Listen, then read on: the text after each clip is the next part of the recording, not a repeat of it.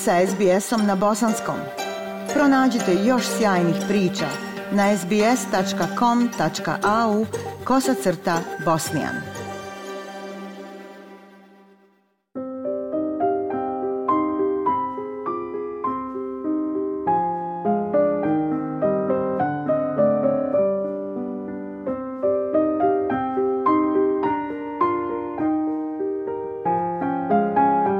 Slušate program SBS Radija na bosanskom jeziku.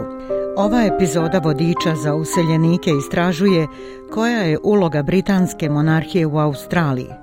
Australija održava formalnu i sentimentalnu vezu s britanskom monarhijom kao nasljeđem britanske kolonizacije. Nasuprot tome, Karipsko ostrvo Barbados uklonilo je britanskog monarha sa mjesta države i postalo je republika u novembru 2021. godine.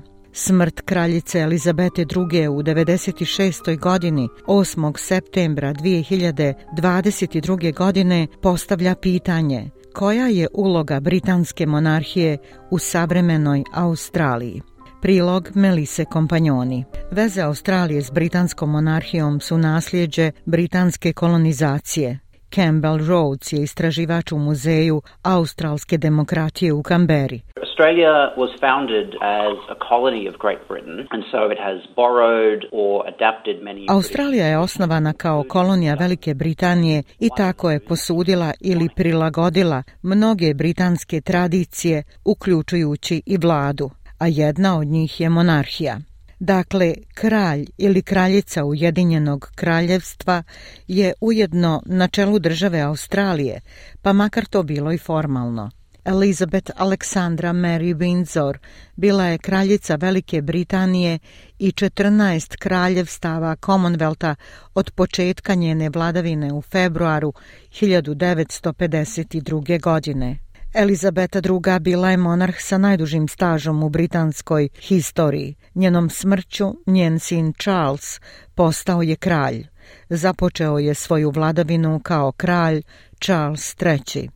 Sve zemlje Commonwealtha su suverene nacije sa svojim zakonima i vlastitim vladama. Struktura i ovlasti naše vlade opisani su u Australskom ustavu, objašnjava Sandy Bayer, nacionalni direktor pokreta Republika Australija. Australia has a written constitution and it's a law that governs all other laws and the most senior person in Australija ima pisani ustav i to je zakon koji reguliše sve druge zakone a najviša osoba u tom ustavu je kraljica ili kralj Ujedinjenog kraljevstva. Ta osoba se zove naš čelnik države.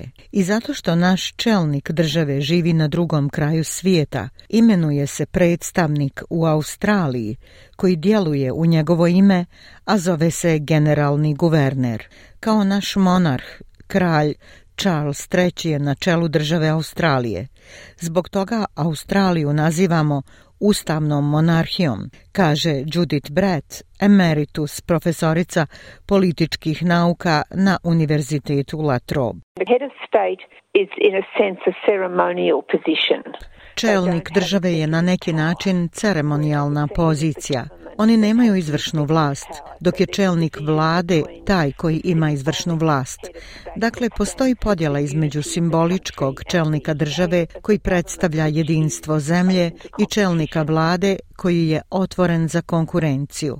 Kralja u Australiji predstavljaju generalni guverner u Kamberi i guverneri u svakom od glavnih gradova pojedinih država monarh nije direktno uključen u svakodnevno vođenje Australije i više nema direktan uticaj na australsko društvo, ekonomiju ili vladu, kaže Campbell Rhodes. But does take an interest and is very well briefed on Australian matters. Ali se interesuje i veoma je dobro informisano pitanjima Australije. Ovih dana djeluje kao savjetnik i povjerenik premijera, a ne kao bilo ko sa direktnim uticajem. Generalnog guvernera imenuje kraljica ili kralj po savjetu australske vlade. U stvari, oni služe kao zamjenici krune u Australiji, uvijek djelujući po savjetu izabrane vlade u ime monarha. Once upon a time they were appointed by the British government, but Nekada ih je imenovala britanska vlada, ali s vremenom smo to promijenili i evoluirali tako da sada australska vlada vrši imenovanje.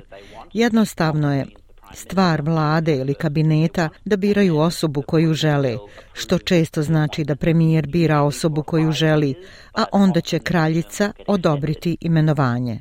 Obično funkcija traje pet godina, ali često se taj mandat produžava. Poput monarha, generalni guverner nije uključen u svakodnevno vođenje vlade, kaže Sandy Baer. They do have important responsibilities. Every time a law is passed by parliament, Ali oni imaju važne odgovornosti. Svaki put kada parlament usvoji zakon, svaki put kada želimo da odemo na izbore, potrebno mu je odobrenje guvernera, to jest predstavnika monarhije. Godine 1986. australijski zakon prekinuo je posljednju zvaničnu vezu između britanske i australske vlade sa izuzetkom monarha. Tokom vladavine kraljice Elizabete II. veliki broj britanskih kolonija tražio je nezavisnost i prekinuo svoje veze sa monarhijom. Posljednji je bio Barbados u novembru 21. sa 15 preostalih kraljevstava Commonwealtha. Mnogi smatraju da Australija već projektuje duh republike – Sandy Bayer iz pokreta Republika Australija zalaže se za promjene.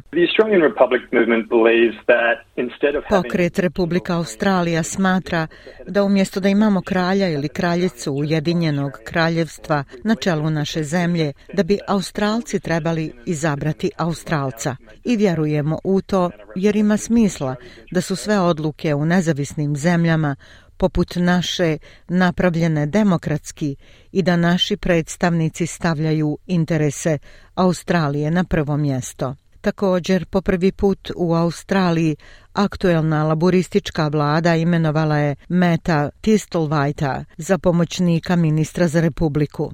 Sentimentalnost prema britanskoj monarhiji također se mijenja, kaže Judith Brett. Uz prepuno polje slavnih koji posjećuju Australiju, čak je i žar oko kraljevskih posjeta manje intenzivan nego u prošlim decenijama. I think you know in the early 1950s when feeling for the monarchy was very high when the young queen Elizabeth and Prince Philip visited. Mislim da je ranih 1950-ih kada su osjećaji za monarhiju bili vrlo visoki, kada su ih posjetili mlada kraljica Elizabeta i princ Philip klip.